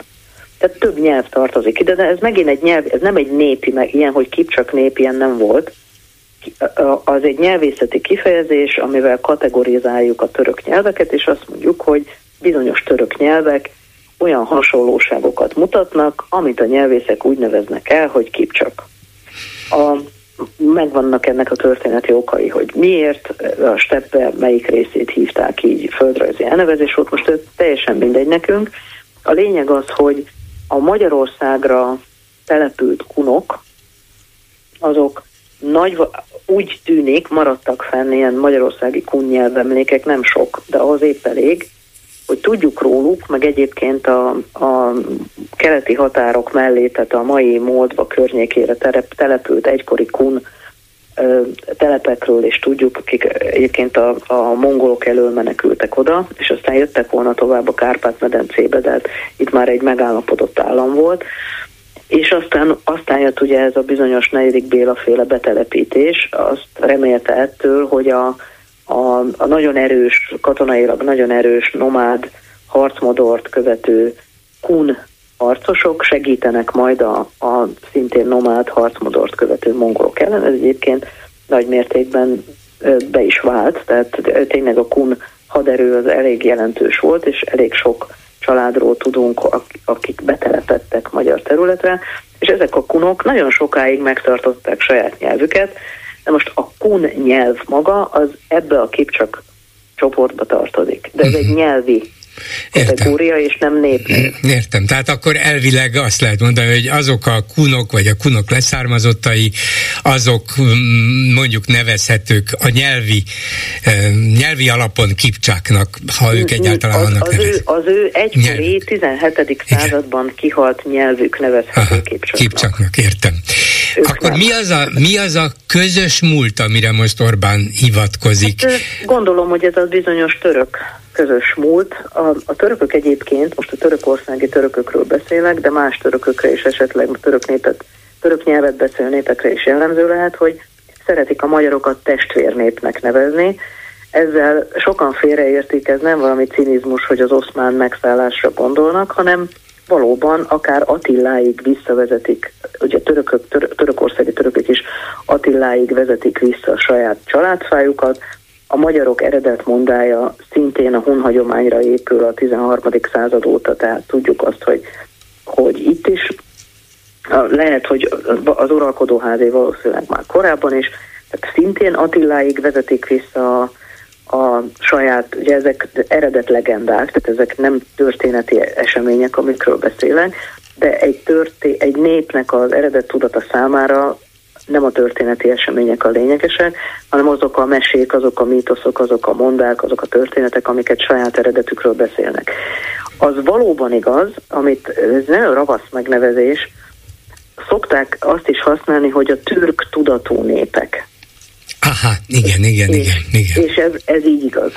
Tehát olyan értelemben ugye az igaz, hogyha azt mondjuk, illetve hát magyarok azok leginkább huntudatúak és nem türk tudatúak, de mivel a törökök is magukat hunnak tartják, tehát van olyan megjelent török-magyar szótár, 30 évvel ezelőtt is láttam már ilyet, amelyiknek az eleje, az előszava azzal kezdődik, hogy testvérnépekről van szó, hiszen Attilától származnak a törökök és a magyarok is. Tehát ez az egyik oka, az Attila és a hun hagyomány.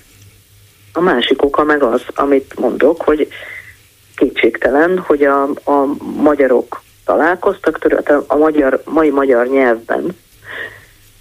Hát nem, nem tudunk pontos számot mondani, de az, hogyha ha azt mondom, hogy 400 körül van azoknak a szavaknak a száma, amelyeket még a honfoglalás előtt török nyelvekből vagy nyelvből vettünk át, akkor még egy olyan becslést mondtam, ami, ami messze nem túlzó, tehát ennél inkább több van. Uh-huh. A, az, hogy ma 400 ilyen szót vagy többet használunk, az azt jelenti, ugye jóval, jóval azután a korszak után, amikor megszűnt az, az a török kulturális hatás, aminek révén ezek a szavak a magyarba kerültek, Gondoljuk el, hogy azóta volt egy teljes életmódváltás, teljes vallás, hiedelem, kör, minden meg, gondol, gondolkodásváltás, nagyon sok, és még mindig ilyen, ezeket a szavakat ilyen nagy számban használjuk, akkor gondoljuk el azt, hogy mondjuk a nomád magyarok milyen mennyiségben használtak török eredetű szavakat. Nagyon nagy volt a török, a, török kulturális hatás a magyarra. Ez hm, igen. És az jutott itt közben eszembe, hogy esetleg olyan szláv népek, ráadásul amelyek most viszonylag közel élnek Törökországhoz, például a bolgárok, de akár az oroszok is, mások is. Ők a történelmük folyamán kerültek kapcsolatba különböző török, türk népekkel, és az ő nyelvükre, ő nyelvükre is hatással volt a törökök nyelve kimutathatók, hát akár száz számra nevek, és akkor befejezve a kérdést, ezen az alapon akár ők is tartozhatnának a megfigyelőként legalább a türk tanácshoz, hiszen nekik is van annyi monda, legenda és nyelvi alapú kapcsolatuk a törökökkel, mint nekünk? Hát nagyon érdekes kérdés azért, mert a bolgároknak tulajdonképpen van, de nincs. A, a bolgároknak azért van, de nincs, mert a bolgár népnév maga az egy török, török nyelvet beszélő, török etnikumú népet jelölt. És az, az, tehát ezt tudjuk forrásokból, és ezek a bolgárok, ezek méghozzá nagyon sok forrásból, ez egy nagyon jelentős nép volt. A bolgár több ága volt, és azt a nyelvet, amit az a nép beszélt, azt is általában bolgárnak szoktuk nevezni, hogy ez miben különbözött más nyugati türk nyelvektől, azt egyelőre nem tudjuk megmondani, de minden esetre volt egy ilyen nép, akik rátelepettek a, a Duna környékén élő szlávokra, Duna torkolat, bocsánat, a Duna torkolat, tehát a Duna delta környékén élő, Duna alsó folyása környékén élő szlávokra, és olyan, nem csak az volt, a, azért cseréltek nyelvet, ott az érdekes történeti esemény volt, hogy nem az alá, alárendelt szláv népesség, tehát a meghódított szlávok vették át a hódítók nyelvét, mint a magyarok esetében az itt élő szlávok, hanem fordítva a bolgár uralkodó réteg kezdett el szláv nyelven beszélni. De ennek azért ezt mindig elfelejtik hozzátenni, hogy ez nagyon, tehát nagyon nehéz lenne ezt elválasztani attól, hogy a bolgárok, ezek a, az akkor pogány és török nyelvet beszélő bolgárok viszonylag korán fölvették a kereszténységet, és nyilván fölvett, e, ezzel együtt átvették annak a nyelvét, ami akkor ott azon a területen a szláv volt. Tehát ezeket nem lehet szétválasztani egymástól, de ilyen értelemben persze, ugy, ugyanakkor hát a bolgárok tudják, hogy ők szláv nyelvet beszélnek, de török tudatról, vagy türk tudatról ebben az értelemben, hogy ott volt egy szűk uralkodó réteg, és volt egy nagy létszámú szláv lakosság, akik, akik ilyen módon közösen alkottak egy államot, ilyen értelemben mondhatnák, és hát egyébként nem tudom, hogy van-e olyan bolgár, nem vagyok járatos ebben, hogy van-e olyan bolgár, tudom, mozgalompárt, vagy akármi, amelyik szereti magát a törökökhöz kapcsolni, minden joggal megtehetik, de nyilvánvalóan nem a teljes 9. századi népességükre, hiszen abszolút egyértelmű, hogy ott a többség szláv nyelven beszélt, és nem ez a szűk uralkodó réteghez tartozott.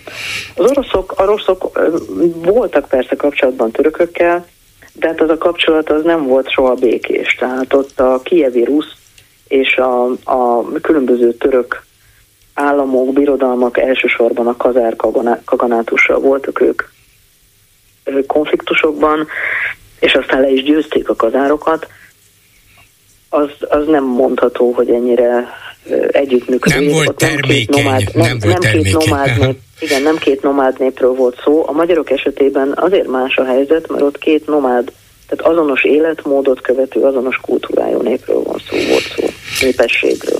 Köszönöm szépen, sok mindenben eligazított bennünket, engem legalábbis Sándor Klára nyelvésznek, kultúrtörténésznek, a Szegedi Egyetem tanárának köszönöm. Viszont hallásra! Viszont hallásra! Háló, jó estét kívánok! Jó estét kívánok, én Rihárd vagyok. Hallgatom. Hát ugye a, a kereszt történet, hát egyrészt ez gyalázat azért azt gondolom, rongálás mindenképpen, és viszont az, hogy a Nemzeti Park ez nem akarja, hogy visszaállítsák, hát ez, ebből nekem nem az jön le, hogy most itt ilyen nem tudom milyen kleri, klerikálfasiszta diktatúrába élnék.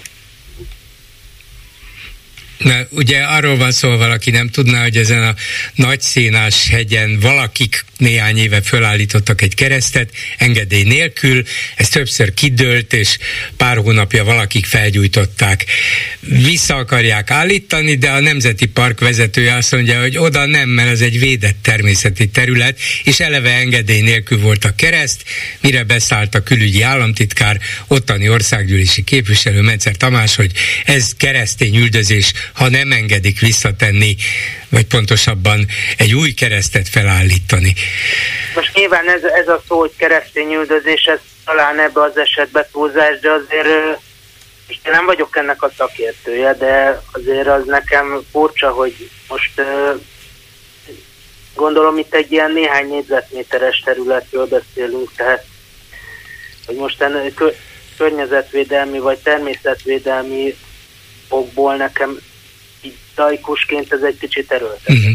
Azt mondják itt ezek a, a nemzeti park vezetők, hogy nem csak egy, egy talapzatnyi területről van szó, mert egy három méter magas keresztet állítanának fel, beton talapzaton, ez a szükséges alapanyagokat is fel kell szállítani a hegyre, ez jelentős természetkárosítással járna, azt mondja, keresztet sok helyen lehet állítani, nagy szénás viszont csak egy van, ne fokozottan védett területen állítsák föl, ahol egyébként mondom engedély nélkül rakta ki valaki. Hát, hogy ha ennek valóban van, most mondom, tehát nem vagyok ennek szakértője, ha valóban van ilyen szempont, és ez a konkrét esetben jogos, akkor az nyilván a felgyújtás az ettől függetlenül azért... Hát az, az, az, senki ne, az senki nem támogathatja, nem gyújtunk fel semmit, egy fát sem, meg egy keresztet sem, persze. Hát igen, csak az, tehát hogy nehogy esetleg most jogilag nem tudom, hogy nehogy valami olyasmire hozzák ki, hogy mivel, hogy amúgy is engedély nélkül volt az ott, hogy akkor jogi értelemben nem lépünk úgy föl ellene. Nem, jogi értelemben ott mondjuk nyilván a, a természetvédelmi területnek, a nemzeti parknak van igaza, hogy ott oda nem lehetne egy keresztet felrakni, ráadásul egy beton alépítménnyel, mert nem oda való. De Igen, az a kérdés, mondom, hogy, hogy a felgyú, felgyújtással kapcsolatos ügybe, hogy nehogy azt hozzák ki, hogy akkor azért nem indítanak eljárást az illető ellen, ha megtalálják, mert hogy eleve az ott jogtalanul. Ne, hát nem tudom, hogy megtalálják-e valaha, azért nem könnyű, ott nyilván nincsenek kamerák, és ki tudja, hogy ha csak az illető el nem dicsekszik vele, hogy én gyújtottam föl, szóval nehéz, nehéz elképzelni, hogy megtaláljanak valakit, de az annak alapján, hogy az amúgy is engedély nélkül volt oda felállítva, eh, annak alapján biztos nem mentesítik a büntetés alól, mert így is, úgy is nyilván büntethető az, hogyha valaki fölgyújt rá, ráadásul egy természetvédelmi területen egy odaállított keresztet. Nyilván, hogy semmit nem szabad felgyújtani. Keresztet Igen. se. Igen, na most a, a felmerült az óvodák kapcsolatban, megmondom őszintén, én ebben olyan nagy problémát nem látok. A, a, amennyit itt a beharangozóba elhangzott. Hát én, olyan nagy probléma, lehet, hogy igazából nem olyan nagy probléma, én inkább nevetségesnek tartom, hogy az oktatási hivatal azzal foglalkozik, hogy kikérdezze a szülőket, hogy az óvodában elég magyarság tudatot nevelnek-e a gyerekbe. Hát ennél fontosabb, és a gyerek számára mindenképpen értékelhetőbb vagy jelentősebb dolgokra kellene koncentrálni, hogyha már azt vizsgálják, hogy a szülők szerint az óvodában jól látják-e el a dolgukat az óvónénik és óvóbácsik. Csak, csak erről volt szó a kérdés, vagy, vagy ez egy ilyen több kérdéses kérdés? Biztos, volt, hogy több kérdéses. A magyarságtudat az szerintem egy fontos dolog. Hát a magyarságtudat így általánosságban véve elég általános. Nyilvánvalóan, hát eleve egy, gondolja meg, hogy egy óvodában, amikor elkezdenek rigmusokat tanítani a gyerekeknek, vagy énekeket tanítani, akkor az mind-mind közvetve, de lényegében a magyarság tudat kiépítéséhez, megteremtéséhez járul hozzá, mert nem ír dalokat fognak megtanulni, hanem magyarokat. Ennek mind megvan a maga kultúrtörténeti és helyi jelentősége, mind-mind köti a gyerekeket ehhez az országhoz, ehhez a kultúrához, valahogy így alakul ki a magyarság tudat. De hogyha így konkrétan rákérdeznek a szülőktől, hogy magyarság tudat rendben, akkor lehet, hogy nem is értik a szülők, hogy mi a fennéről beszélnek. Hát, hogy úgy összességében ezt mennyire érzik hangsúlyosnak a, a ténykedésében. Hát, vagy, erre vagy... rákérdezik, mondom, tehát egyébként ez csak erről szól ez a kérdés? Nem, nem, nem, nem, nem, biztos, hogy nem csak erről szól. Amennyit láttam ebből, persze sok egyéb kérdés is van, biztos arról, hogy szerintük milyen az óvodai munka. A kérdés az, hogy ez is belefére, hogy és magyarság tanít, magyarság tudatot jól alakítanak a, az óvodai pedagógusok? Nem biztos, hogy ezt meg kell kérdezni az óvodások szüleitől. Én nem látom okát ennek, hogy ezzel mi, miért lenne probléma megkérdezni. Hát, mert ez egy sima politikai kérdés. Olyan, hogy akkor is beleneveljük a gyerekbe már óvodás korába az, hogy legyen jó magyar, miközben ez egy természetes dolog, hozzá tartozik ahhoz, ahogy egy óvoda működik, ahogy az óvodában a gyerekeket tanítják azokra a dolgokra, amelyek ebben az országban szokásosak, mi, általánosak. rögtön a jobb oldalra ö, azzal, tehát hogy ö, persze most ezt egy jobboldali kormány eset, idején beszélgettünk erről, de most magában az, hogy a, tehát mi, miért asszociál mondjuk egy, egy ellenzéki szülő erről a kérdésről, hogy ő ezt, ezt így megkérdezi, arra, hogy ez valamiféle Azért, mert ez a kormánynak az egyik kinyilvánított és erőteljesen hangoztatott politikája, és hogyha ezt már annyira fontosnak tartják, hogy a illetékes hivatalra rá is kérdeztetnek, akkor nem látok mögötte mást, mint igazából csak politikai szándékot.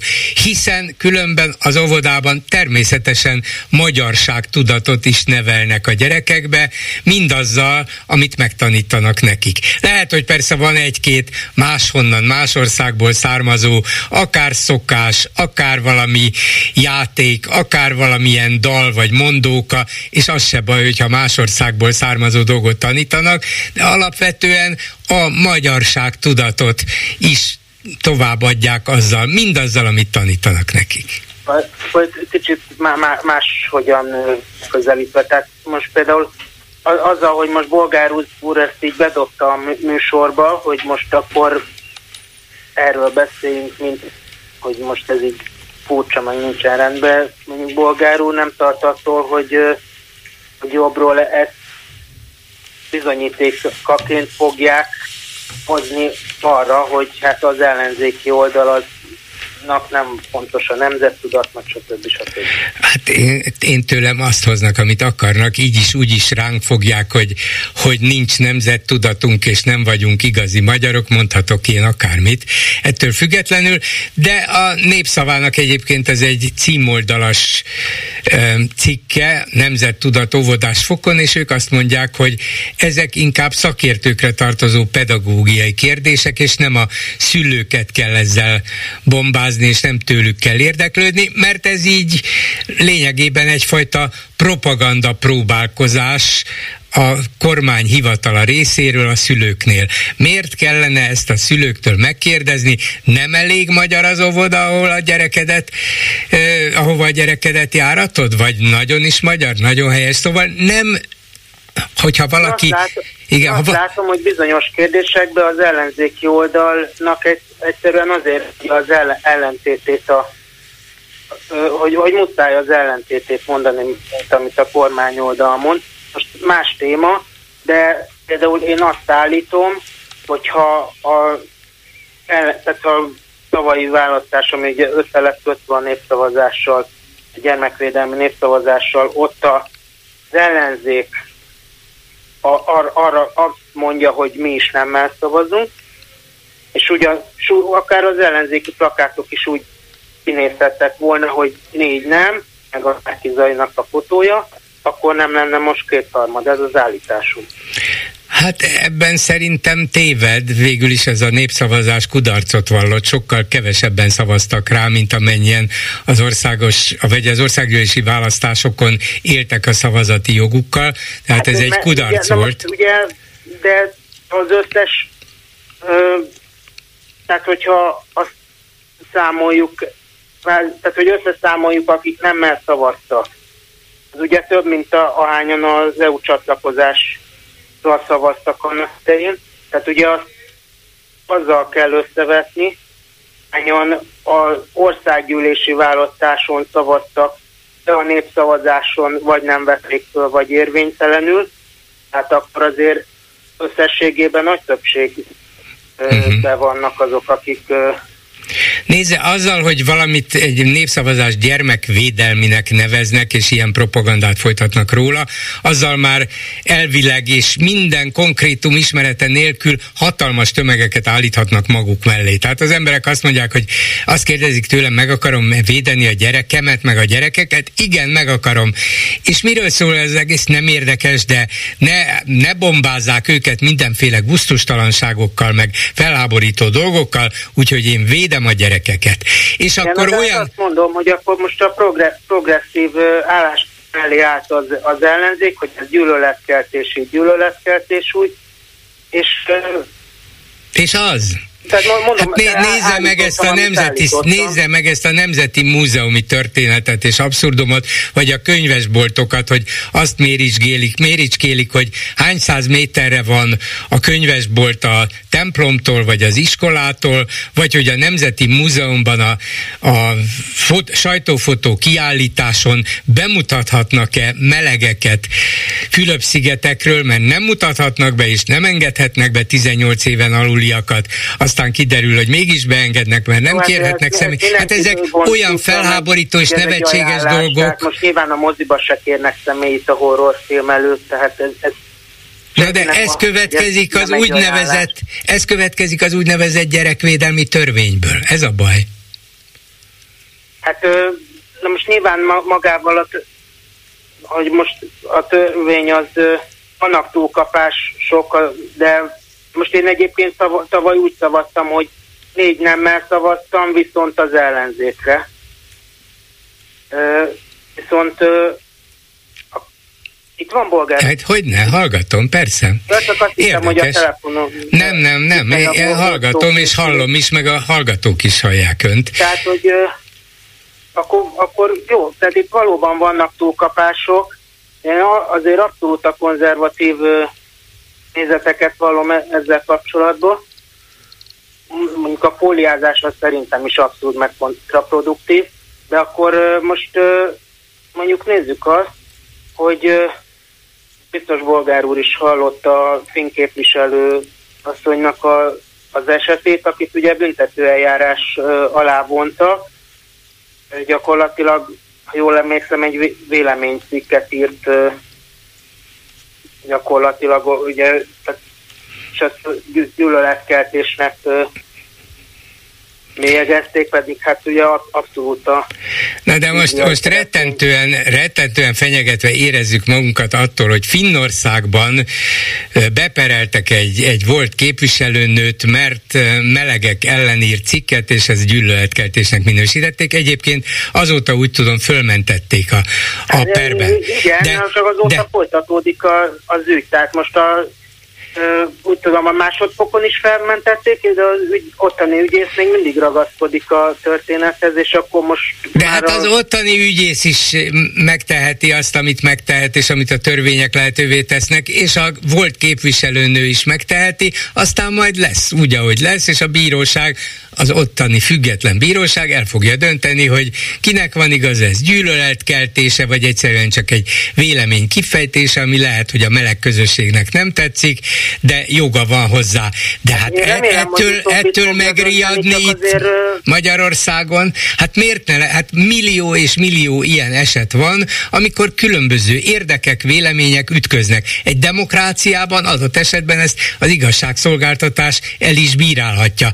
Hát ettől, ettől a melegek elleni törvényeket hozni, hogy, hogy ne lehessen, ne mutathassák be, ne legyen elérhető, és így tovább, az, azok olyan abszurd következményekhez vezetnek, mint amik nálunk fordulnak el. Valószínűleg jobban megfogalmaztak, tehát egy slendrián munkát végeztek, mert meg ilyen, hogy veszőhiba, meg ugye maga a törvény is ugye nincs is összhangban az, azzal a kérdéssel, ami a, a szavazólapon szerepelt, mert ott azt kérdezték, hogy a szülő hozzájárulása legyen, és ugye a törvényben meg nem ez van valójában. Tehát ö, azzal egyetértek, hogy van azért ö, slendriánság a kormány részéről, meg nyilván ezt felhasználják ezt a témát a saját politikai céljukra, de ettől függetlenül én azért nem gondolom, hogy ez abban a mértékben lenne a probléma, mint hm, ebben, ebben igaza is van, ez egy probléma, és kell is róla vitatkozni a nyilvánosságban is, különböző véleményekhez mindenkinek joga van, csak nem gyűlöletet gerjesztve, és bizonyos embereknek a, például az információ szerzését megtiltva, mert az biztos nem vezet jóra. Köszönöm szépen, viszont hallásra, és itt van Lőrinc Saba, hogy a Facebook kommenteket előadja. Szia Gyuri, köszöntöm a hallgatókat. Mielőtt rátérnék a könnyedebb kommentekre, azelőtt egy komolyabbról is megakadt a szemem. Háborús bűncselekmény civilek által használt létesítményekbe, annak közvetlen közelébe harci cselekmények eszközeit és annak kezelőit telepíteni. Miért? Mert civil áldozatok lesznek. Nem nehéz eldönteni, hogy ki követte el a háborús bűnt. Aki oda telepített, vagy aki oda lőtt. Hát hogy ne, ez nem kétséges, hogy kórházakba, iskolákba telepíteni harci eszközöket, katonai központokat, hát ez háborús bűncselekmény, hogy nem? Aztán akkor rátérve a könnyedebbekre, az óvodai magyar tudat, magyar tudat, így fogalmaz a kommentelő, szégyentelen Kubatov lista frissítés, természetesen messze neked GDPR, személyiségi jogok, az ellenzéki szülőket tudják így listázni. Hát még akár ez is lehetséges, de mm, nem tudom pontosan mi volt a cél vele, lehet, hogy csak egy házi feladatot teljesítettek, akkor magyarság tudat kipipálva. Aztán úgy a gondolat, akkor már nem csak Petőfi akta lesz, hanem Atka is? Júj. Júj. Petőfi Atka, hogy csípje meg a Rákosi vipera. Ugyanebben a témában maradva, Orbánról milyen állatot nevezhetnénk el? Jaj, nem, nem, nem, nem, semmit, semmit. Aztán Magyarországon agyfogyatkozás van így az összesítése ugyanebben a témában. Az Orbáni kultúrharc három pillére tiltott, támogatott türk. És az utolsó kérdés, magyar Hamas után lesz magyar Hezbollah is? Jaj, nagyon remélem, hogy nem, de ez, ez nagyon nagyon sunyi dolog ez a hazafias magyarok szövetsége, nem ez, ez annyira direktnek tűnik, hát, tehát ez, ez igen, elképzelhetetlen, igen, igen, hogy ez nem olyan, mint a pedagógus önértékelési csoport, amit még talán el tudok hinni, hogy véletlenül jött így ki, de ez egy az egyben direktnek és alig burkoltnak tűnik. Igen. Köszönöm szépen, ezzel a megbeszéljük mai műsora véget ért. Készítésében közreműködött Bencsik Gyula, Lőrinc Csaba, Erdei Tünde, Kelecsényi Krisztina és Kemény Dániel. Bolgár Györgyöt hallották, viszont hallásra a jövő héten. Most pedig jön az Esti Gyors. Esti Gyors, a hírek háttere. Jó estét kívánok, Szénási Sándor vagyok. Egy téma és a háttere. A kormányfő sok sikert kívánt Alia Vazeri elnöknek a karabahi terület stabilizálás érdekében végzett munkájához, valamint az újjáépítéshez, és mivel érezte, hogy ez egy ilyen lagymatag jó túlságosan is lagymatag, nem méltó sem a címzethez, sem annak áldozatos tevékenységéhez, hozzátette, gratulálunk mélyen tisztelt elnök úr. A mélyen tisztelt elnök úr amellett, hogy katonai erővel elűzte a 2000 éve ott élő örmény lakosságot, októberben saját lábával méltóztatott meg is taposni az ászlójukat. Nem mondjuk, a 90-es évek elején az örmények szintén egy háborúban szerezték meg hegyi Karabahot, amelynek önálló állami létét azonban a nemzetközi jog nem ismert el, az azeriek elűzését senki nem nevezte stabilitásnak, és még kevésbé gratuláltak hozzá, tekintve a halálos áldozatokat. De hát aki konkrét háborús bűnösre parolázik, azelőtt a sors új teret nyit, és végérhetetlen stilisztikai és egyéb mélységek felé kormányozza. Egyébként Magyarország már korábban megakadályozta, hogy az Unió elítéje az azeri katonai műveletet, hogy Orbán Putyintól eltanult frazeológiáját használjuk, és nem támogatta a szankciókat sem Baku ellen. Nem mondhatjuk tehát, hogy OV következetlen, de a gratuláció szó használata mégiscsak fordít egyet az ember gyomrán. Aztán iszik rá egy 40-50 fokos ánizsal ízesített törkölypárlatot, vagy srakit, és rendbe jön.